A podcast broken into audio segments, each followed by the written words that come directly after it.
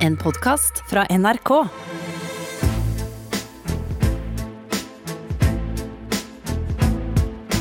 Trump mot verden med Gjermund Eriksen og Sean Henrik Matheson. Gjermund, hvor- hvor er det vi er?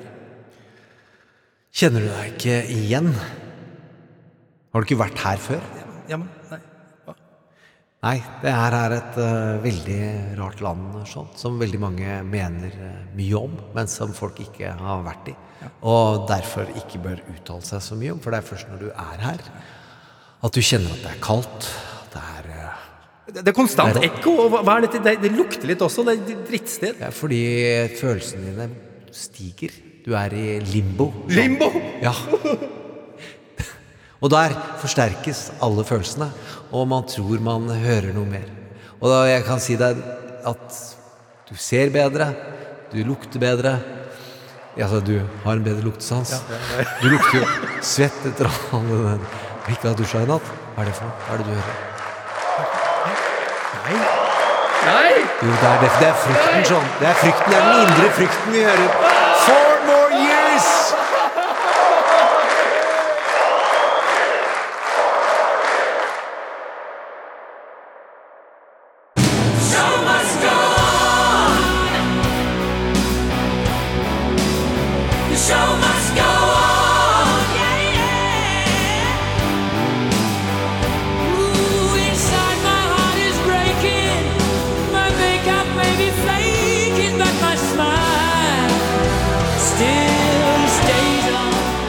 Velkommen til Trump mot verden.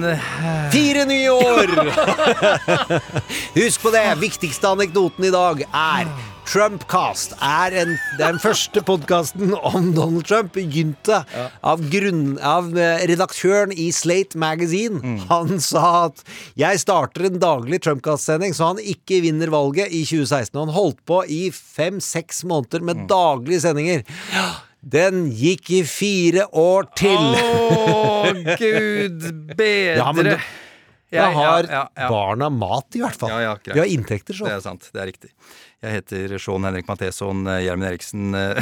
Du har like mørke ringer under øya som meg. Og du har åpenbart svekkede kognitive evner, akkurat eh, som meg. Vi har eh, mer eller mindre døgna. Vi har gitt et forsøk, i hvert fall. Kanskje akkurat som du som hører på.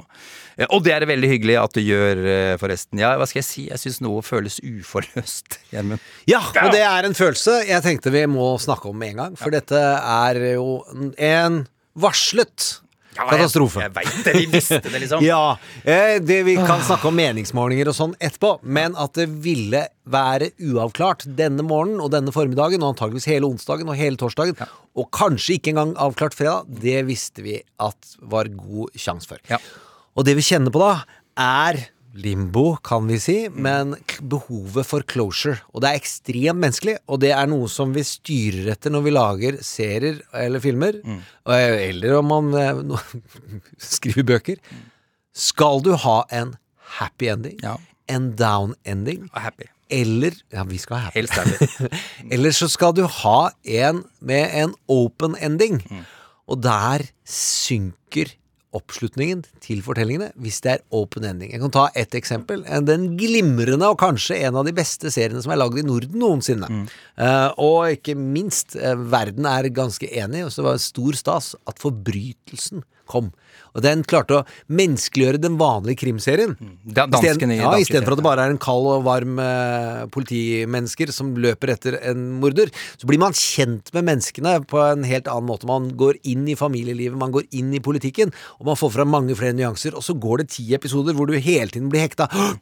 Hver episode et nytt funn. Å, na, nå kan det være sånn, og nå kan det være sånn. Kommer du mot slutten av episode ti, og da, fy flate, nå blir det helt sikkert det er han ministeren. Det er What? Får vi ikke vite det. Og så fikk vi ikke vite det. De ti første episodene var ikke hele sesongen. Det skulle gå det folk beskriver som titusenvis av år. Før neste sesong kom. Det føltes sånn! og så fikk man ti til, ti til, og det ble et rabalder og et skrik, og hele verden ga dansk radio oppmerksomhet, og serien ble en kjempesuksess, og så kjøpte noen i USA. Og så regner jeg med at noen ga rådet til serieskaperne, den husker ikke navnet hennes, flinke kvinnelige serieskaperen. Du må ikke gjøre som danskene gjør, for det irriterte folk i hjel. Så gjorde hun det. Ja. Vi må ha closure. Ja, vi må ha Og vi har ikke fått det. Ah, jeg veit det. Men vi skal jo få hjelp i dag til å, å takle dette her, eh, Gjermund. Vi får besøk av psykiater Trude Fiksdal om eh, ja, ikke så lenge, heldigvis. Ja, men eh, det her var jo spennende. Nå har vi vært i suspens. Men hvis vi heller tenker oss at Jeg syns at vi nå nærmer oss en sånn uavklarthet som man kan finne i horror. Ja, ja. Og det klarer ikke Der hører du hvor kjent jeg er i den sjangeren. Jeg kan ikke se en vampyr Nei. på tøys nesten engang uten å få mareritt når jeg sover. Ja, jeg altså Det indre barnet mitt styres så fælt av uh, fortellinger Ja. At det er ikke kjangs. Men uh, Carpenter har skrevet litt sånn uh, Hvis vi skal bare snakke om helt grovt hva som har skjedd den morgenen her. Okay. Hør nå.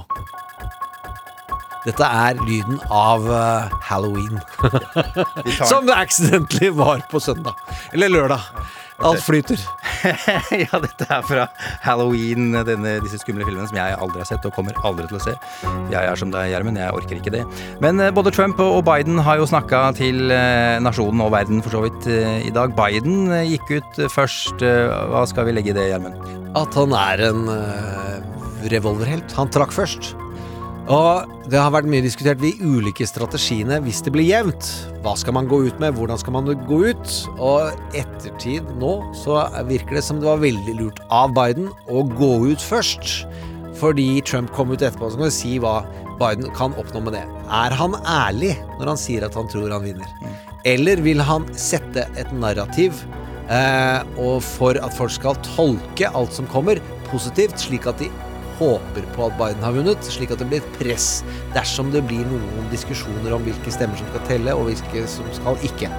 Og hvis han hadde gått ut bak Trump, så hadde han gjort feilen som Al Gore gjorde i år 2000. Og han gjorde det ganske kledelig. Han sa jo at 'jeg føler at jeg vinner', 'jeg tror at vi altså, Biden, altså? Ja. Ja. Uttaler seg sånn som de fleste presidentkandidater egentlig gjør før valglokalene stenger. 'Jeg har en god følelse for dette her. Det ser bra ut der'.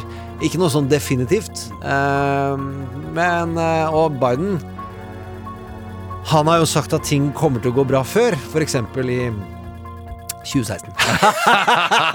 Og bare for å ta den der år 2000-referansen din, så var det jo eh, Al Gore som eh, Og så var det veldig jevnt, men så sa liksom Bush da at nei, det er jeg som har vunnet, eh, fordi de mente det. Og så sa Al ja, det er greit, du har vunnet. Som han jo aldri burde ha sagt, fordi eh, resultatet var jo ikke klart i det hele tatt. Og vi har intervjua taleskriveren hans, han som måtte skrive talen, om at 'jeg godtar ikke valget allikevel'. Uh, Eli Atty. Det ligger i arkivet. Ja, det så det er, dette er demokratene topptrent til. Så det har jo planlagt lenge at Biden skulle gå ut først. Det regner jeg med at de har tenkt, hvis det ble så jevnt som nå, sette et narrativ. Narrativ er fortelling. Ja. Og dette handler om da kommunikasjonsstyrken i fortellingsforståelsen, nemlig vinner, taper. Det er jo det, Noe av det viktigste en fortelling gjør, er å fortelle om at det skjer noe med en karakter som enten går bra eller dårlig. Og det å sette i gang skjema 'dette kan gå bra', 'dette er min seier', så håper man at det kan forme hvordan man diskuterer om alle disse resultatene. Ok, det var Biden, eh, Gjermund. Eh, Trump, som du nevnte, gikk jo på jeg bare halv ni norsk tid. Han sa jo mye, men eh, blant annet også at vet du hva, vi har jo strengt tatt vunnet. Vi har jo vunnet. Og dette her er jo en svindel, alt sammen. Ja, og det er jo det vi har advart mot i trolig lenge. Ja. Han godtok ikke valgresultatet i 2016, da han vant. Eh, han bruker den samme eh, strategien nå. Det ene er at han vil diskreditere resultatet, at det har vært jevnt. Dersom han vinner. Altså folkens, Når vi teller ferdig, så kan det godt tenkes at han vant fair and square med det valgmannssystemet de har der borte. Da kan han si at jeg har egentlig et større mandat. Jeg hadde mange flere. Dette, de har prøvd å ødelegge for meg, og nå har jeg rett og mandat til å gjøre akkurat det jeg vil. Eh, og hvis ikke, så husker vi at han uansett har lyst til å spille offer dersom Biden vinner fair and square, noe som er høyst usikkert. Eh, så skal han si at han er et offer, og dette var et ran, og han er ikke. Noe av det verste han kan tenke seg å være, nemlig loser. Loo-hoo-hooser. Og er det et ord vi bare kan tøyse med nå, i dag, og på fredag, så kan det muligheten til å tøyse med Donald Trump om at han er en loser. Eh, borte. Hadde det. Ok, fader. Altså, jeg har hatt det på lista mi, så det er ganske høyt opp. Ja, det har vi alle. Og det er denne følelsen Ok. vi trenger å få lufta. Eh, og det skal vi gjøre eh, med Trude Fiksdalen kommer om en stund. Men før det, så ja, vi- Hva med titte litt på resultatene, Gjermund? Eller så vi vet, vet Altså de vi har inne. Å, gud. Eh, og det praktiske som har skjedd gjennom natta.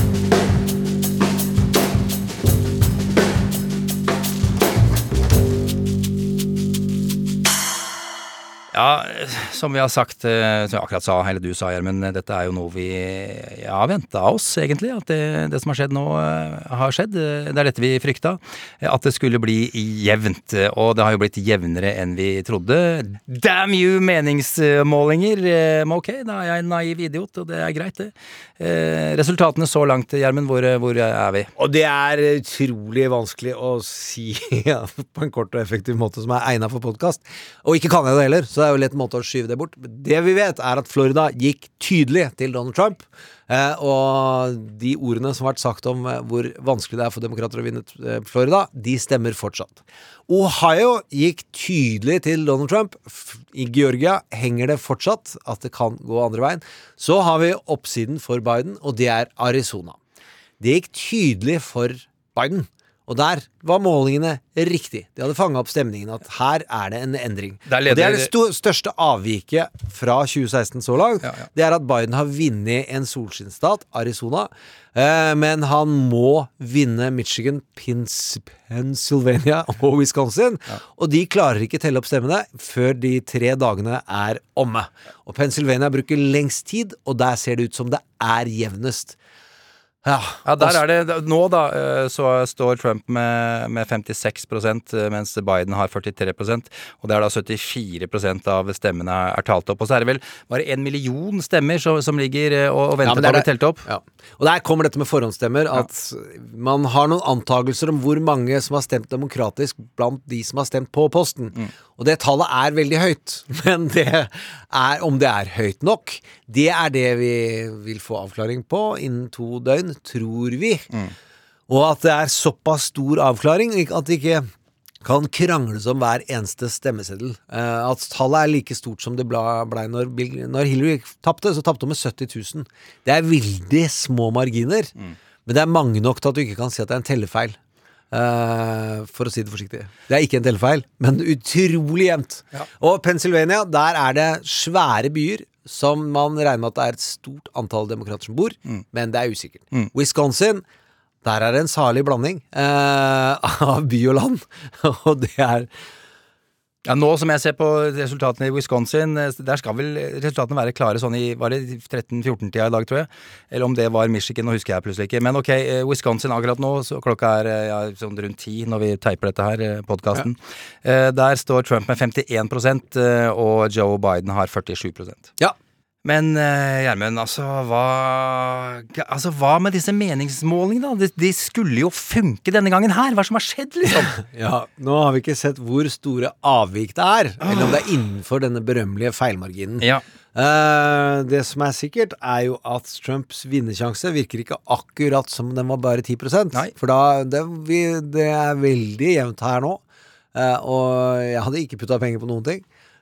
Nei, ikke Det hadde jeg nesten ikke gjort Aldeles, uansett. Men vi eh, vi hadde følelsen for at Biden hadde vind i seilene pga. disse meningsmålingene. Det de har uttalt seg noe om, er at i noen delstater så har de fått rett, og noen delstater så har de ikke klart å måle hvor mange Trump-velgere som vil komme ut på valgdagen. Dette var jo akkurat det samme som skjedde i 2016!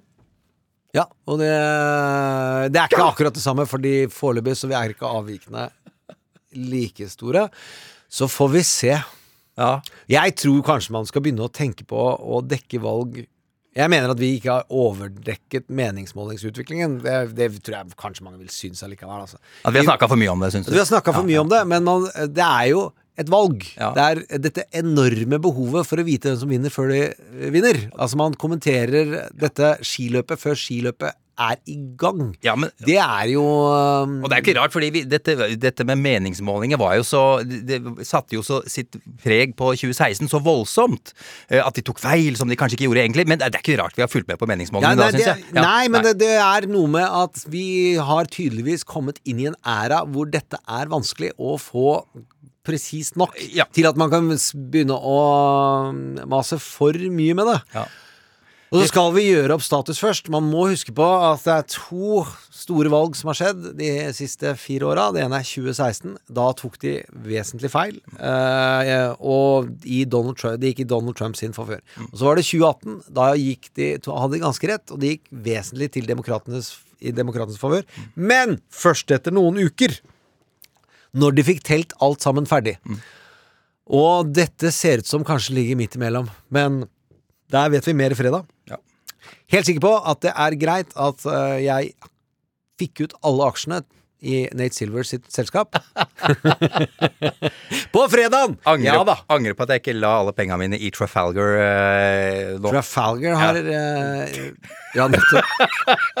De har jo Trump eh, som eh, vinner. Oh my god. Og de skal liksom være de useriøse.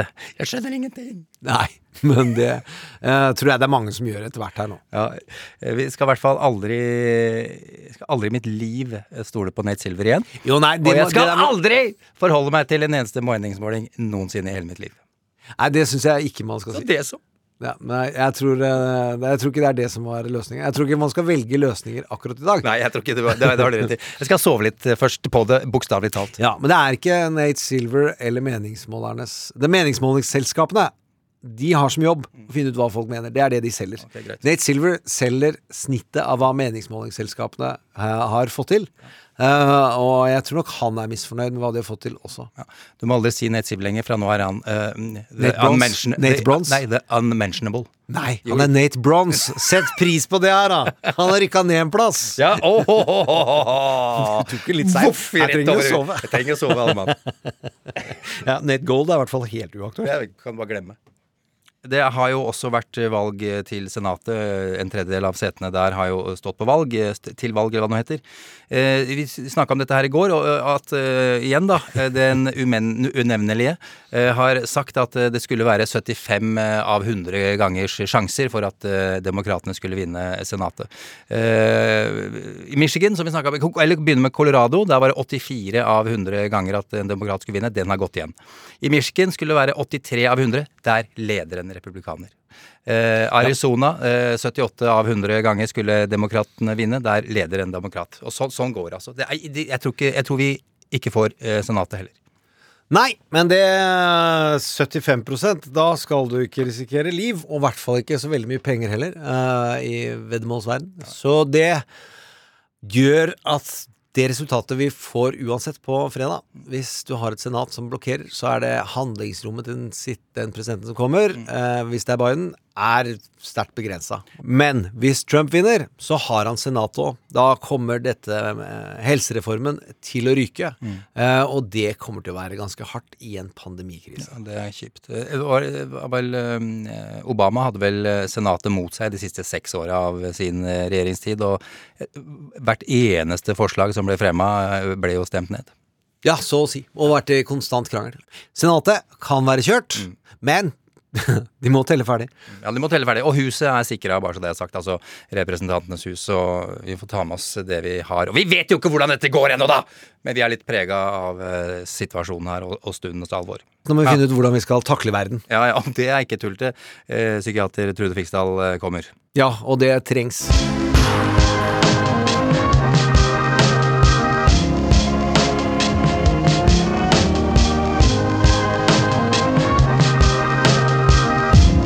Trump mot verden.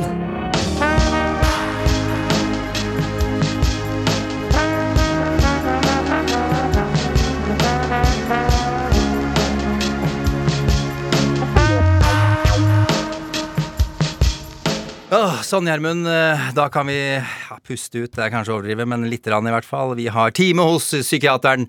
Åh, Og det har du som hører på også, bare så det er sagt. Eh, Ja da, vi leverer eh, Det er service eh, til deg. Det skulle bare mangle, forresten. Velkommen, psykiater Trude Fiksdal. Takk. Og det er godt å ha deg her. Overlege ved Nick Walls, Institutt Lovisenberg. Fy søren, altså dette er som sagt, dette er ikke helt overraskende, dette her. Vi har snakka om dette her lenge. Eh, at vi kanskje ikke kom til å få et resultat på, på morgenkvisten i dag, og at det kunne bli litt sånn styr med det. eh, jeg må innrømme at jeg, har, jeg kjenner i kroppen allikevel. Altså, jeg kjenner det som et ørlite eh, sjokk, tror jeg kanskje. Jeg vet ikke, men det kan du finne ut av for oss, Trude. Det vi trenger nå, er verktøy. Eh, Det kan bli noen lange timer eh, og kanskje dager eh, framover fylt av angst, noia, usikkerhet og frykt. legge inn 48 timer først. Altså, Ja, det er det vi det er sånn, vi er. Et veldig ja. realistisk scenario. Ok, gutter. Ja. Closure, hva, hvor, Ja, nå, nå, nå er det jo sånn at en sånn terapitime har jo sin egen dramaturgi. Ja. Ok. Og det begynner jo med at jeg spør dere litt. Ja. Hvordan går det egentlig? Det går ikke så bra, Trude!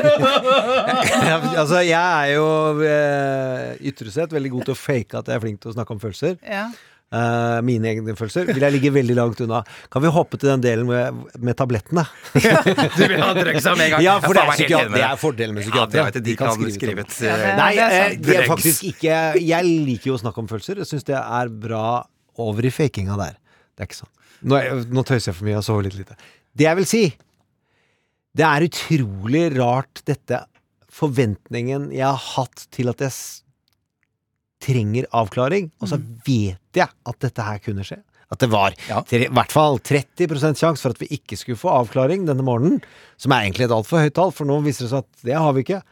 Og så går det inn i kroppen allikevel. Altså Det føles i huden, og at jeg er trøtt, og det er vondt. Det er sånn eh, gryende influensa, bank i bordet. Det er det ikke.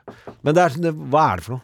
Nei, det, det er jo det er litt sånn, Jeg jobber jo med barn. ikke sant? Det er litt som når du er ti år og har gledet deg til å få et eller annet spesielt til bursdagen din eller til jul, og så kommer dagen, og så får du det ikke, og så er den der skuffelsen, og så vet du at den kan du jo ikke vite, for du, du er stor nok til å skjønne at dette burde du egentlig ha forutsett, men følelsen er der allikevel. Ja. Og da tenker jeg at det er veldig viktig å anerkjenne at sånn er det, faktisk. Mamma ga oss sengetøy.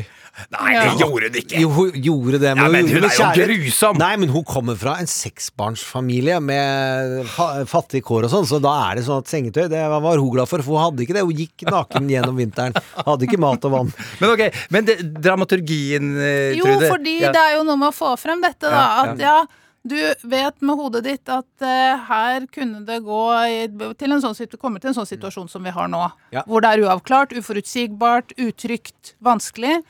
Og samtidig så har du ønsket så innmari, og godt støttet av mange meningsmålinger, Mm. at det skulle gå på en annen måte. At du nå kunne sitte her og si yes, president Biden. Ja. Og det derre den derre eh, Det derre krasjet der, det gjør jo noe med oss. Og da må vi få lov til å si jeg er skuffa, jeg er lei meg, jeg er redd. Det er lov, det. Og i tillegg så er du trøtt og sliten. Ja. Og det har vært en ganske sånn heftig uke for dere. Ja, ja, det har Så det. jeg tenker det er ikke så rart, tenker jeg da. Ah, At dere okay. har det sånn. Det å ikke få denne closuren, altså det å ikke få den avslutningen, hvorfor gjør det oss så urolige? Sånn som det er i forhold. Innimellom så er det jo sånn du får aldri sagt fra. Du, fikk, du vet ikke om det er slutt, du vet ikke om det er fortsetter. Eller en arbeidssituasjon som er sånn Har jeg opplevd at ja, du skal få bli den sjefen. Ja, vent litt, du skal ikke få bli den sjefen. Ja, du vent litt. Ja. Det kommer en annen kandidat her. Akkurat nå må du bare vente. Ja, Og vi tror det blir deg, men vi kan ikke love deg noe. Ja, Den er hele tiden av og på, inn og ut. ja. Det er fryktelig. Og det er jo noen som sier at eh, det er spennende med sånn uforutsigbarhet Ah, sånn. hva er det for noe? Det er bare tull. Ja, det er bare tull! Det er ingen mennesker altså Det kan godt hendes det finnes noen mennesker som syns det er stimulerende. Ja. De fleste av oss liker forutsigbarhet, struktur, rammer, rutiner. Vi liker det. Det gir trygghet, og det, og det gjør også at vi har litt mer styr på følelseslivet vårt. Fordi eh, det å gå rundt med en sånn ball av rare følelser inni seg, det er veldig slitsomt. Og det er jo også litt sånn Du sa nå litt sånn i sted om at du, du ikke helt husket og sånn. Ja. Det, det rett og slett påvirker måten vår å tenke på. Ja. Nei, Gjermund Ja, det er to, men det er ulike forhold her i verden. Så finnes det ulike personligheter. Én kan f.eks. si at det her orker jeg ikke ta stilling til nå, jeg bare venter. Jeg vil ikke ha noe informasjon. Jeg gidder ikke snakke om det er noe mer. Det er ikke noe vits i med å gå rundt grøten. Vi vet ikke, så la oss bare vente. Og så andre blir tryggere av å si nei, dette gikk sånn, og dette gikk sånn, og vi trodde kanskje det gikk der, men det gikk sånn allikevel. Hva er den strategien som du vil anbefale mest, hvis du ikke vet om du er den ene eller den andre? Eller har den som skyver ting under teppet? jeg, Det høres veldig kjedelig ut, men jeg ville valgt en sånn middelvei. Det er greit å vite noe, Ja. Og så på et eller annet tidspunkt så må man si at nå kommer jeg ikke lenger. Mm. Og nå er det kanskje greit at jeg gir meg selv en pause fra dette som aktiverer så mye. For du blir jo også aktivert i kroppen, ikke sant? Du blir aktivert denne, denne stressaksen som man snakker om, som frigjør hormoner som, som forteller kroppen at her er det noe du må være forberedt på. Det er fight, flight, freeze, eh, litt sånn, eh, ikke sant? Er det derfor jeg er litt sånn kvalm og Ja, eh, har litt det er derfor ja, du er litt Og ja, ja. kanskje fordi du har sovet litt Ja, dårlig ja, de ja, siste okay. nettene. Men det er fight or flight vi er inne på nå, ja, altså. vi er Ja, inne ja. i den, den der hvor både de stresshormonene og kortisol og alt dette her liksom aktiveres i forskjellig grad, Ja. og så påvirker det systemet til ja. at vi er i beredskap. Ja, Vi blir reptiler.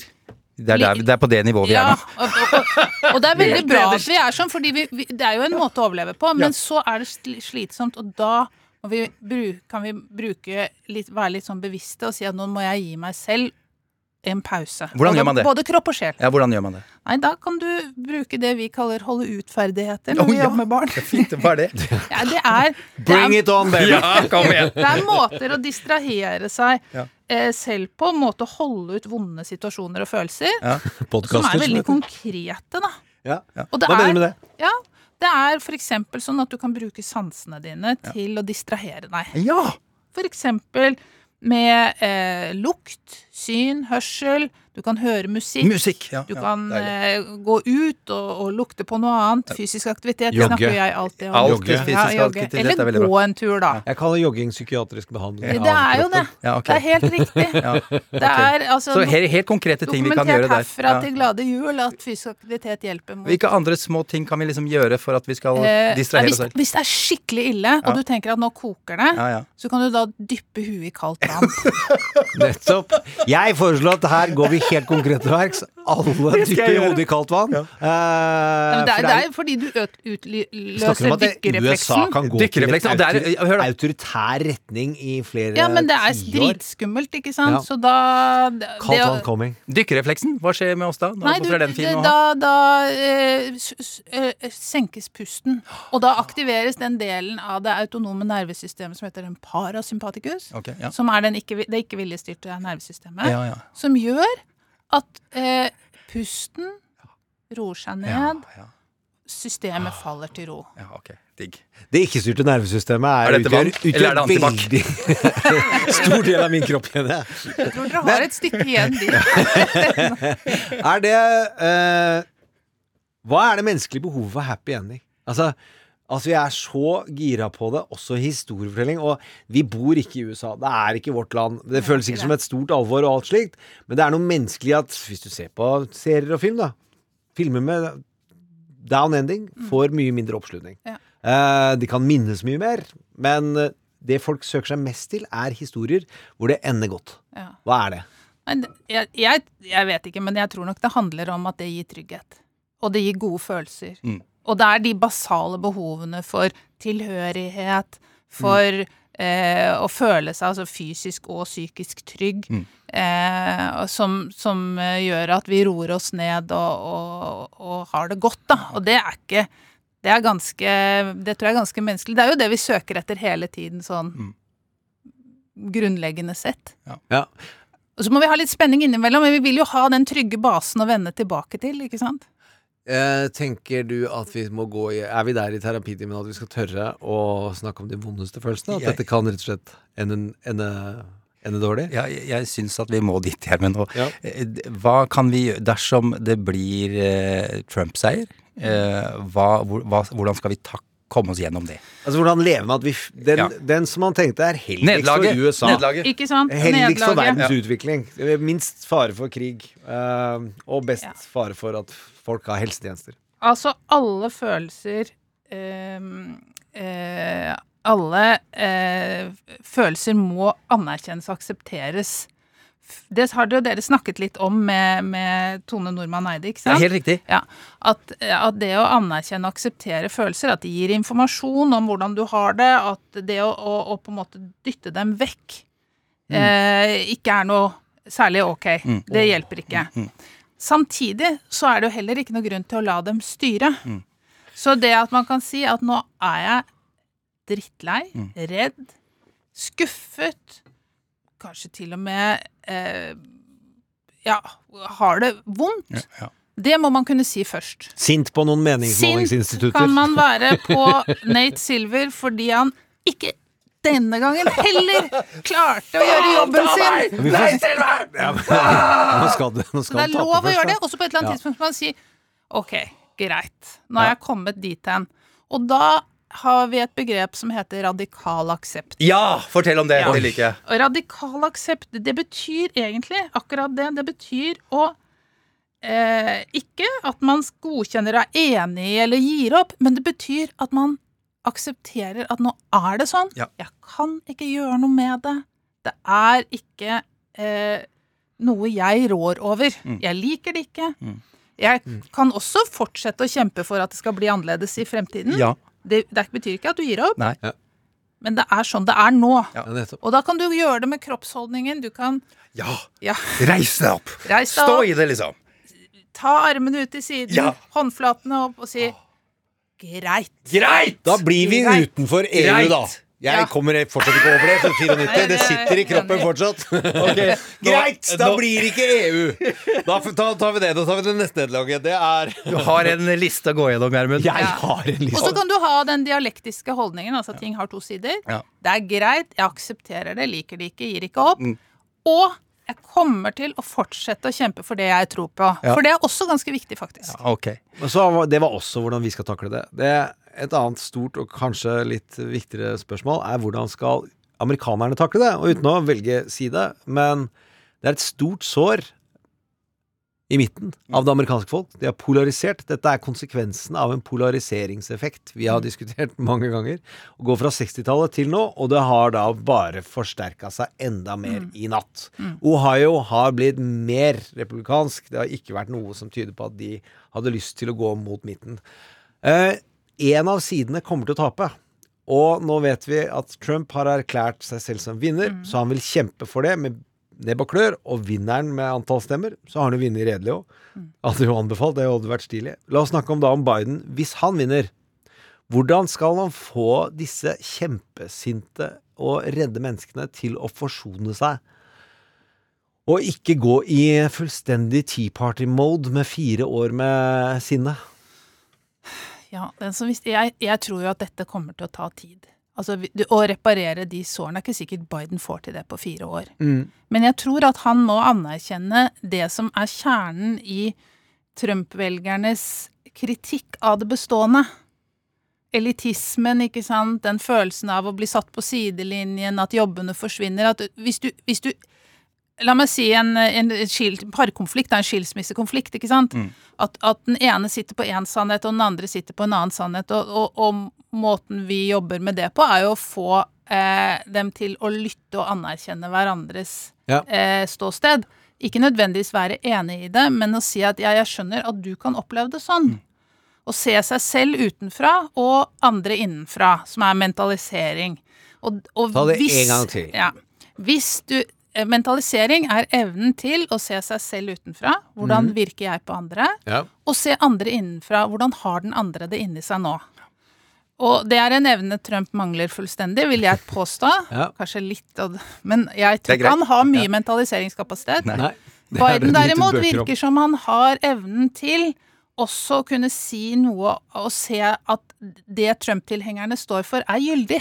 Mm. Er, de, de har en gyldig det, det er en gyldighet i, i, i, i de problemene, de klagene de står i. Og hvis han greier å formidle det til dem og si at ja, dette har du rett i, løsningen er jeg ikke enig i, Nei. men jeg skjønner problembeskrivelsen. Ja, ja. Jeg skjønner hvordan du har det, og jeg er også interessert i å gjøre noe med det. Jeg syns jo han har sagt noe om det. Ja, han har, bru- han har brukt empatitrikset, Ja. som iskalde mennesker kaller det. Ja, fy fader, Gjermund. Ja, Kom on, da. Jo, jo. Nei, men han, er, han er vært, har vært kjent i Senatet som den som er flinkest til å lytte og se andres problemer. Nettopp. Fordi han har vært igjennom mye personlige tragedier. Og hvis du ser de talene, gjennomgående talene siste Ja. måneden, så har det vært store partier som nettopp handler om det. At vi må samle oss, vi må se hverandres problemer. Og vi må ikke godta, og vi skal, jeg skal gjøre det bra for deg, og jeg vil ja. Ja, ja og, det, og det, eh, det å ha den evnen er kanskje det viktigste han Altså det er det viktigste han trenger, og, det, og da må jo den sildre ned i hans organisasjon. Eh,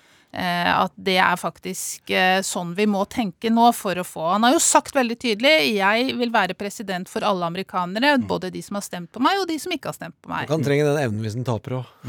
Ja, da Uffa meg. Men det vi vet, er at Trump ikke har den, da. Ja. For han er jo bare ute etter å skyve folk fra hverandre. Mm. Og det er jo det som er det livsfarlige med den mannen, mener jeg. Ja. Og derfor, når vi sitter her og ikke tuller, det gjør vi ikke i det hele tatt, men når vi snakker om frykt, så er jo det en helt reell frykt. Eh, Ikke minst klima, miljø og Ja. slike ting, som jo han er i ferd med å bryte ned. Og var ikke akkurat i dag Parisavtalen gikk ut for, eh, for eh, altså endelig for, for USA? Mm. Så, så det er klart, det er, det er ikke en, en sånn tullefrykt eh, og s- at det er en irritasjon over at Trump vant. Det er en reell frykt og en fare i bånn her. Ja, og det er også en fare for de demokratiske prosessene, som han jo gir blanke Ja. F i, ikke Ja. sant? Han er jo ikke spesielt opptatt av maktfordelingsprinsippet. Jeg vet ikke om han vet hva det er engang. Ja, Ja. han har sagt at eh, artikkel 2 gir han alle muligheter. Det er jo nettopp Nettopp. artikkel 1, så står det at det er han neste som kommer eh, Han skal ikke ha alle muligheter. Det er, men eh, Så- nei, det er det, det vi så nå han gjorde akkurat den mørkeste delen av planen Mm. som vi har varslet. At han erklærer seg som vinner, selv om det er juks og fanteri. Og det er en drøy handling som er udemokratisk og Mm. ulekker, og sier at han vil utfordre det at man skal telle opp stemmer. Han gjorde det, og det er grisejevnt. Ja. Altså, det er ikke greit hvis han hadde leda tydelig, men han gjorde, han gjorde ikke, gjør ikke det. Nei. Nei, altså, folk er jo er positive. jevnt. Ja, det er jevnt. Og, og en podkast 538 eh, som du hørte på rett før vi gikk i studio i dag, sa jo at eh, en av disse meningsmålingene ja, Nathaniel, ikke Nate Silver, men Nathaniel, som er veldig Ja. eh, rolig. Han sa at han Og folkens, jeg vet at alle har lyst til å skrive 538 på et ark, og så brenne det arket. Det skal jeg gjøre etterpå. Det Rituelt. syns jeg er dårlig gjort. Nei, jeg skal gjøre det. Ja, ok. Eh, men uansett, han sa han fortsatt, så er det slik at han ville heller vært i Biden-sko enn i Trump-sko, med sannsynlighetene for opptellingsutviklingen i Pennsylvania og Michigan. Ja. Men gud hjelpe meg! Så mye bedre det gikk for Trump i Ohio og Florida. Ikke, det er ikke, var ikke på håpslista. Og vi husker hva Rick Wilson har sagt, som heller ikke er høy i hatten i dag. Lincoln Project. At hvis du ikke leder Florida med 10 prosentpoeng, Ja, så vinner så du ikke. du ikke. Det har, de jo, det har de sagt siden januar, og så har det biffa opp selvtilliten ganske mye. Og Bloomberg har dumpa 100 millioner dollar i den delstaten, og det har ikke hjelpa et kvekk. Kvekk. Jeg håper han kan um, Vi får se åssen det går. Ja. Det er, det er jo der vi Humor kommer har jeg tenkt. Altså humor, Humor som er kompenseringsstrategi. Jeg får mye pepper for det. At når det, ting er farlig, hvis det er trusler og ting virkelig står på spill, da griser jeg opp humøret. Da syns jeg også det er lettere å le av ting. Ja, men det av, av våre psykologiske forsvarsmekanismer, så er humor regnet som en moden forsvarsmekanisme. Oh, der har vi fått eh, mye konkret å forholde oss til. Setter veldig Nå, nå fylte vi opp verktøykassa, som man jo sier. Tusen takk, Trude. Trump mot verden med Gjermund Eriksen og Sean Henrik Matheson. Ja, Gjermund, det blir eh, en, eh, noen lange timer eh, fremover. Noen dager, muligens. Eh, Hvor er vi på vei, egentlig, hvis vi går an å si noe? Nei, Man har jo muligheten for et worst case-scenario, Ja. nemlig at det blir eh, 269-269. Ja, interessant. Ja, det, da er du på 538, og derfor heter det eh, den nettsiden det. Det er altså, Nå snakker om valgmennene, at Ja. det kan bli likt, rett og slett. Som jo er et helt pussig Og da er du inne i noen veldig smal juss fra 1800-tallet, hvis jeg ikke husker helt feil. Men det kan dette avgjøres i Representantenes hus. Det er så mye uklare regler rundt det. At la oss unne USA at det i hvert fall blir At det blir avgjort gjennom den klassiske valgmannordningen. Ja, ja, Og at du ikke må åpne opp denne Representantenes hus-unntaksregelen. Som det var 1 sjanse for at kunne skje! Det, nå Men nå er- det mye høyere. Bare, det er, som du sier, jeg skal gi gi et lite forsøk her, Gjermund. Det er eh, Representantenes hus altså, som avgjør dersom det skulle bli eh, likt. eh, 269-269. Eh, da er det sånn at alle representanter fra hver enkelt stat eh, møtes. eh, For det er jo, og det kommer jo an på, på folk, i mengden mennesker som bor i hver stat. De har jo flere representanter. California har f.eks. 55 representanter. Eh, og så skal disse representantene for hver stat stemme seg imellom eh, for hvem de vil skal bli president. Og hver stat skal få én stemme til slutt. Altså hver stat er verdt én stemme. Og for å bli valgt til president så trenger, trenger man 26 stemmer. Man trenger overtall. Det er jo 50 stater. Eh, og selv om det nå er flertall eh, av demokrater i, eh, i eh, Representantenes hus, så kan det være mange nok stater som er representert på en slik måte at republikanerne klarer å skrape sammen 26 eh, stemmer. Så vi vet ikke helt hva som vil skje der. I, Grunnlovsfedrene verdsatte geografi over demografi. For, vet du hva? Grunnlovsfedrene kan du få gratis av meg. For en ubrukelig Kan du ikke gjeng. si de har skrevet noen av de vakreste tekstene Ja, som det, fins? tekster, smekster og poesi er nå én ting, men få nå regelverket på plass, da! De, og så har de de, har, de, har, de, de klarer å gjøre valgmennene til, til at det kan bli likt! De må jo ha i overtall der også! Akkurat den lille mattefeilen der sånn skylder nok at det var vekta litt mye på jusskompetanse og litt sånn eh, liberal arts, eh, humaniora, sånn som vi har. Litt lite matte. Jeg er jo nedsnakker av mattekunnskap her i verden, men akkurat den lille der sånn, det gir deg klokkereint Ja, rett tusen takk sånn. skal du ha. I Senatet er litt land lettere. Det skulle hett 539. Ja, det skulle det hett! 539 to the people. I Senatet er det lettere. Eh, Der velger eh, hver representant eh, på den, eh, på den visepresidenten de vil ha. Og i Senatet er jo eh, nå eh, republikansk flertall, og det kommer det til å bli også, sannsynligvis. Kan du bare si det jeg har sagt en gang til? Er det da Senatet som velger visepresident? Ja, så det kan jo bli en artig, artig greie der. Så det kan bli, bli Biden-Trump.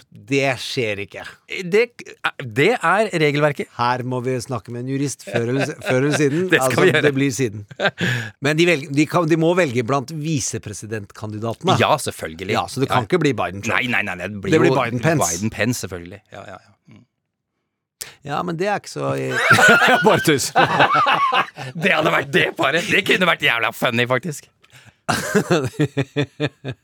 Ja, det tenkte jeg hvor redd vi da Altså Vi var jo redd for Var ikke så redd for at Biden skulle dø, egentlig. Det var Kamala Harris tar over. Da er vi redd for at Biden skal dø igjen! Ja, nå liker vi ikke tanken på det. Det er så mange scenarioer. Dette her er kjempemoro. Det er interessant. Eh, hører du det? Er vi tilbake i limbo? Ja, vi- uh, oh, ja jeg hører det. Nei. Det er four more years? Four more years! Nei.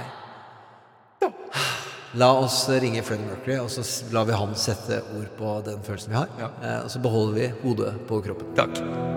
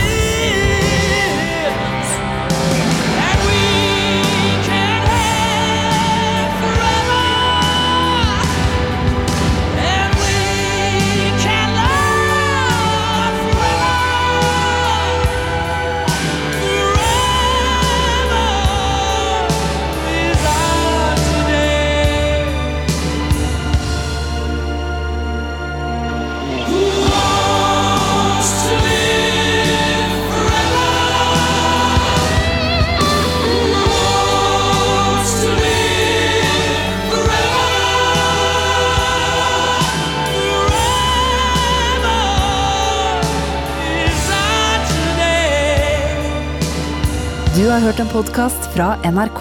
Hør flere podkaster og din NRK-kanal i appen NRK Radio.